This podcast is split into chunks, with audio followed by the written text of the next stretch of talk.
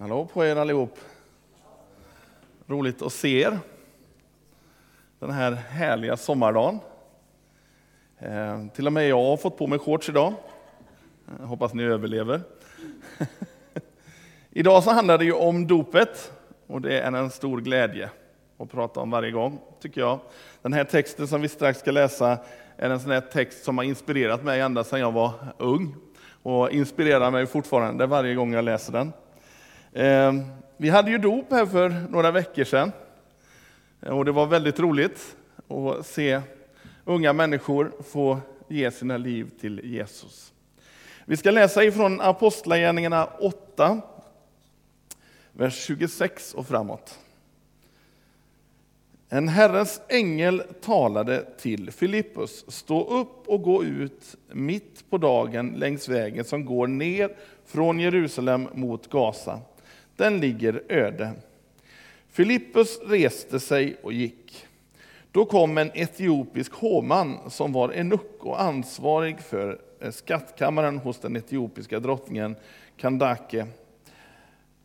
Han hade kommit till Jerusalem för att tillbe och var nu på väg hem och satt i sin vagn och läste profeten Jesaja. Då sa anden till Filippus, gå fram till vagnen och håll dig nära den. Filippus skyndade fram och när han hörde honom läsa profeten Jesaja frågade han, förstår du vad du läser? Mannen svarade, hur ska jag kunna det om ingen vägleder mig? Och han bad Filippus komma upp och sätta sig bredvid honom. Stället i skriften som han läste var detta, som ett får förs bort till slakt, som ett lamm som är tyst inför den som klipper det, så öppnade han inte sin mun. Genom hans förnedring blev han, hans dom upphävd. Vem kan räkna hans släkte eftersom hans liv rycks bort från jorden? Hovmannen sa till Filippus, jag vill fråga dig vem profeten talar om, om sig själv eller någon annan. Då började Filippus tala utifrån det skriftstället, att förklara om Jesus för honom. Evangeliet om Jesus för honom. När de nu färdades vägen fram kom de till ett vattendrag och hovmannen sa, här finns vatten, vad hindrar att jag blir döpt? Han befallde att vagnen skulle stanna, både Filippus och hovmannen gick ner i vattnet och Filippus döpte honom. När de kom upp i vattnet ryckte Herrens ande bort Filippus och hovmannen såg honom inte mer. Han fortsatte sin resa full av glädje. Jag tror att det finns tre stycken saker vi kan lära oss av den här texten. Självklart finns det väldigt många mer, men jag tänker trycka på tre saker i den här texten. Eh, som jag hoppas att du kommer ihåg ifrån eh, det här mötet. Det första är Herren kallar. Eh, I detta fall så var det faktiskt en ängel som kallade honom att eh, gå ner till den här vägen. Eh, stå upp och gå ut mitt på dagen längs vägen som går ner från Jerusalem till Gaza. Den ligger öde. Versen berättar ju inte om Filippus såg den här ängeln eller inte. Jag vet inte riktigt hur det gick till. Men han fick i alla fall en uppmaning av en ängel att gå ner dit. Ehm, oavsett så får han väldigt tydliga signaler om vad han ska göra. Han får en kallelse.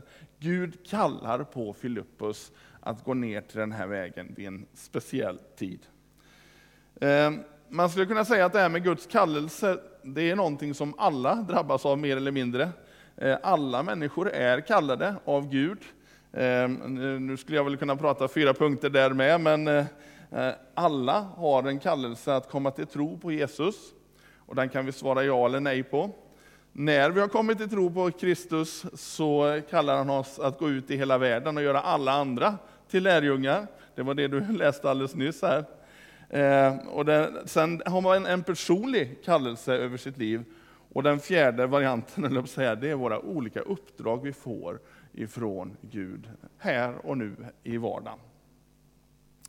Eh, jag tror att Gud vill tala till dig och mig, var vi än är, vilken tid det än är på dygnet. Han vill använda oss där vi finns. Så jag tror att vi kan liksom sätta igång öronen och lyssna. För jag tror att Gud vill använda oss mycket mer än vad vi någonsin tror. Eh, Filippus, han lyssnade och han gick. Eh, låt mig ta ett exempel på detta med, jag kan ha berättat det här förut, men då får du leva med det. Eh, det var något som hände för ett antal år sedan när jag jobbade i Göteborg. Eh, jag var bok och musikhandlare och ja, höll på och åkte mellan lite olika butiker, för vi var flera stycken butiker som hängde ihop. Och jag var på väg hem den här dagen, klockan var kanske fem, halv sex någonting. Jag var ganska trött, hade åkt, åkt tidigt på morgonen hemifrån Vårgårda och eh, var på väg hem, skulle ta tåget hem. Eh, jag kommer med spårvagnen och närmar mig Brunnsparken. När jag hör den heliga Ande säga till mig, du ska gå av här. Och jag vet inte, när du är på väg hem från jobbet, du är trött, så är det inte riktigt sådär att du känner att yes! Jag kände inte riktigt så, men jag tänkte jag får lida i alla fall. Så jag hoppar av där i Brunnsparken och så säger den helige Ande, du ska gå in i femmanhuset. Så jag gör det. Och eh, jag vet ju inte vad jag gör där. Utan eh, jag bara upplever att när jag går in i femmanhuset så får jag ett budskap till någon. Och jag bara säger liksom till den helige Ande, vem är det här till? liksom. Ja, jag ska visa dig. Den första personen du känner igen här inne är det till. Och jag, menar, jag är ganska social sådär, så jag känner ganska mycket folk, men jag har nog aldrig varit med om att det varit så mycket folk jag inte känner på ett ställe. Så jag går där genom femmanhuset och traskar iväg. Och eh, hör den helige Ande säga sväng däråt, sväng däråt. Och jag går och går och går och går. Tills jag kommer till andra ändan av femmanhuset där den helige Ande säger vänd om. Och jag tror att jag har blivit knäpp för det här laget. Jag tänker, är det här verkligen Gud eller är det jag som bara går och tänker massa tankar? Så går jag tillbaka och jag går tillbaka långt, långt tillbaka, men jag får hela tiden signaler om hur jag ska styra. Liksom. Och när jag nästan har gått tillbaka genom hela femmanhuset så tänker jag, nu, nu är jag helt ute och cyklar liksom, i min egen tanke. Då hör jag bara den helige Ande säga, sväng vänster. Och då är det, en av, det är ju gator som är överbyggda där inne. Så en av de sista gatorna innan jag är ute, tillbaka ut ur femmanhuset, så svänger jag tvärt vänster, och jag går ganska fort vid det här laget.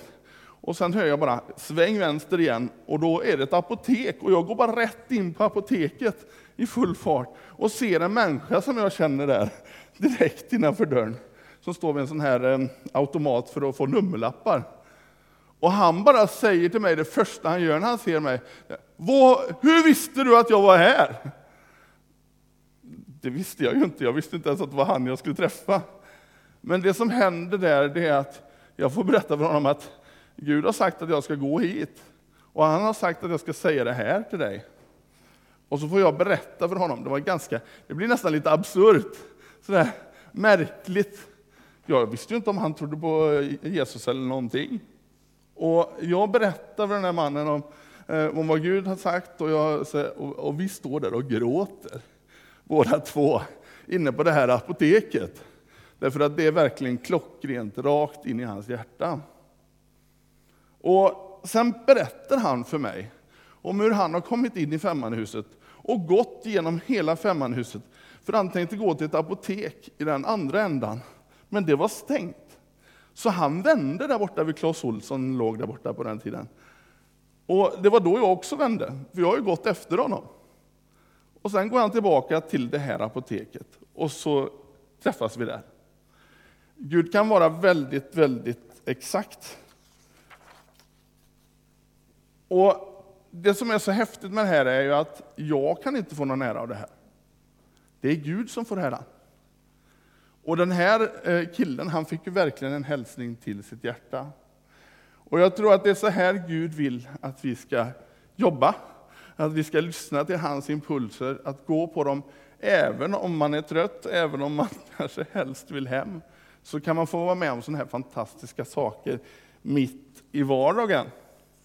Eh, jag kan väl säga att jag personligen upplevde ju det här som något fantastiskt. Det lyfte ju mig också. Att jag fick hjälpa en annan lyfte mig. Ehm, och jag tänker också på det här med Filippos. Vad var det han gjorde? Jo, han reste sig och gick. Han lyssnade och han gjorde. Han gick på det som Gud sa. Han inte bara hörde det, utan han gick. Och det är en väldigt viktig detalj. Om inte Filippus hade gått, ja, då hade vi inte haft mycket till bibelberättelse att, att berätta idag, eller talat. Eh, det hade ju inte hänt. Om han inte hade lyssnat, om inte han hade följt instruktionerna, så hade det inte blivit mycket med det hela. Han lyssnar och han lyder. Jag tror att det är bra att faktiskt ta till sig det här ordet lyder. Jag vet att det är värsta svärordet i svenskan idag, men att lyda Gud är mycket viktigare än att försöka lyda människor. Att lyda Gud är det viktigaste i livet. Eh, det är då man verkligen hittar livet, skulle jag vilja säga. Filippus han lyssnar. Och det visar sig att det är ju precis så som han har fått till sig. Han får syn på den här hovmannen som kommer åkande i den här snygga vagnen kan man tänka sig. Han var ju liksom en högt uppsatt man det där. Och då säger anden till Filippus, gå fram till vagnen och håll dig nära den. Han skyndade fram till vagnen. Och där hör han, likt ett lamm som är tyst inför den som klipper det och så vidare. Han läste från Jesaja 53. Och den här texten är, ligger ju förmodligen Filippus varmt om hjärtat. Han känner igen orden mycket väl. Frågan är om han inte hade lytt, vad hade hänt då? Det fick ju bli till stor glädje för den här etiopiska hovmannen. Och säkert lika mycket för Filippus. Den andra punkten jag har då, det är längtan finns överallt. Ibland tänker vi människor är förlorade, människor kan inte det ena och det andra. Vi sätter in människor i fack och vi säger den är sån och den är sån och den är sån. Det är väldigt mycket sånt nu för tiden. Vi tycker att vi vet precis hur människor, människor tänker om allting och tänker om oss och så vidare. Men så är inte verkligheten. Därför Gud han finns och söker varje människa. Och han söker olika människor på olika sätt. Eh, vers 27b där. Då kom en etiopisk hovman som var enuk och var ansvarig för hela skattkammaren hos den etiopiska drottningen Kandake. Han hade kommit till Jerusalem för att tillbe och var nu på väg hem i sin vagn och läste profeten Jesaja. Mannen som satt i den här vagnen var högt uppsatt, han hade en mycket viktig roll hos Kandake. Och Kandake är egentligen en titel på, på eh, drottningen. Eh, han hade helt klart en längtan efter Gud. Han hade varit i Jerusalem för att tillbe. Frågan är om han visste vad han gjorde eller om han bara liksom försökte att, att nå Gud på något sätt. För han satt ju och läste Bibeln som vi känner den och förstår inte vad det står. Han undrade ju, vad handlar det om? Och han har en enorm längtan efter att få uppleva det som Filippus hade varit med om. Ehm, Filippus, han berättar det glada budskapet, evangeliet. Han berättar om Jesus. Han berättar om korsfästelsen. Om varför det står att den här mannen var trasig och inte var speciellt snygg att se på när han hänger där på korset. Han berättar om att det blodet betalade för den här etiopiske mannens synder och så vidare. Och Det som händer här är ju att han ganska snart kommer fram till vatten. Eh,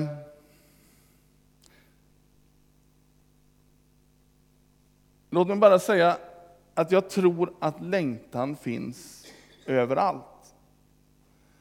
Där ni inte tror det finns längtan.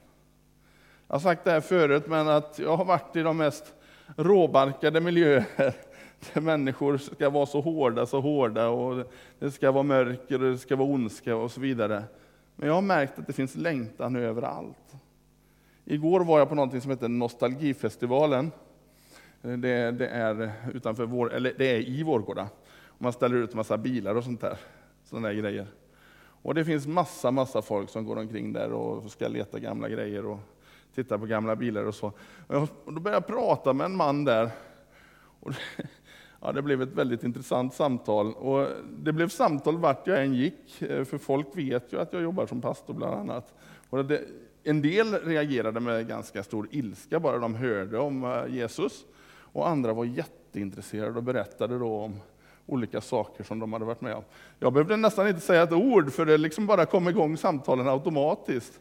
Och jag tror att vi behöver finnas i alla möjliga miljöer. Vi behöver finnas där människor finns. Jag tror att det finns mängder av människor som sitter här i Skene idag och längtar efter att få uppleva det som du har upplevt. Att få frid här inne. Man kanske är helt fed up av alla saker man äger. Man kanske har allt, man har fett med pengar på kontot, man har snygga bilar, man har fint hus och vovve och allt vad det är man ska ha. Men man mår inte bra här inne. Du kan få ge det vidare. Du kan få ge den här friden vidare, glädjen, det som Jesus vill ge oss. Min uppmaning till dig här idag är att våga lyssna till den helige Ande. Våga gå på hans impulser. Våga prata med människor som kanske ingen annan pratar med. Det är väldigt spännande faktiskt, många gånger. Eh, våga vara som inte resten av världen. Det kanske kan ses som annorlunda, men våga vara annorlunda då. Våga ta tid med människor. Jesus, han fick ofta kritik därför att han var med fel människor. Han var med syndare, han var med sådana som drack massor, han var med på fel fester, han var med folk som, ja, som folk inte tyckte levde som de skulle. Men där gillade Jesus att vara. Jesus han svarar bara så skönt när han säger till dem, det är inte de friska som behöver en läkare, utan de sjuka. Eh. Jag tror att när vi lyssnar till vad Gud vill med våra liv, då får våra liv en mening. Är det inte det som människor just längtar efter? Att få en mening med livet. En mening med tillvaron här på jorden. Mitt i all meningslöshet och tomhet som faktiskt är i den här världen. Våga lyssna och våga lyda maningen här inne. Den tredje punkten och sista är det schyssta ordet som han säger här, eh, den här hovmannen. Vad hindrar att jag blir döpt? Det är ju vatten här borta. Vad hindrar att jag blir döpt? Jag tycker det är så skönt. Och så blir det en dopförrättning där spontant. Och han får ge sitt liv till Jesus. Mannens längtan var så stark. Han ville inte vänta. Det är faktiskt så att om du börjar titta i Bibeln en hel del och läser om detta med dopet, så är det ju så att de säger till en kille i Apostlagärningarna, varför dröjer du med att döpas? Han hade väntat i tre dagar. Det ger lite perspektiv på det hela. Ibland önskar jag att vi hade mer av den här attityden. Att vi spontant vågade ta emot det som Gud ville ge spontant vågade gå mer på det som Gud säger till oss att göra. Ehm, att inte bry sig så mycket om vad människor tänker och tycker om oss. Människofruktan, det är en bedrövlig herre att ha i sitt liv. Men Jesus, han är toppen. Jag säger inte att det är enkelt att ha Jesus som herre, men jag vågar påstå att i längden så kommer det bli bäst så. Alla de andra herrarna, det är, de är inte lika bra kan jag säga. Vi ska strax ha en bönestund här. Och jag vill bara säga de tre, sista, eller tre punkterna igen till dig. Snyggt. Eh, Herren kallar. Frågan är, vad svarar du? Han kallar hela tiden, men vad svarar du? Den andra punkten, längtan finns överallt. Hör du ropet? Ser du människorna? Går du på det som Gud säger till dig? Vad gör du åt människors längtan? Det tredje då, vad hindrar? Vad hindrar att du blir döpt om du nu inte är det? Vad hindrar att du lever i din kallelse? Vad hindrar att du går på Guds maningar? Vad hindrar? Ja, inte är det Gud. Han är den som frikänner.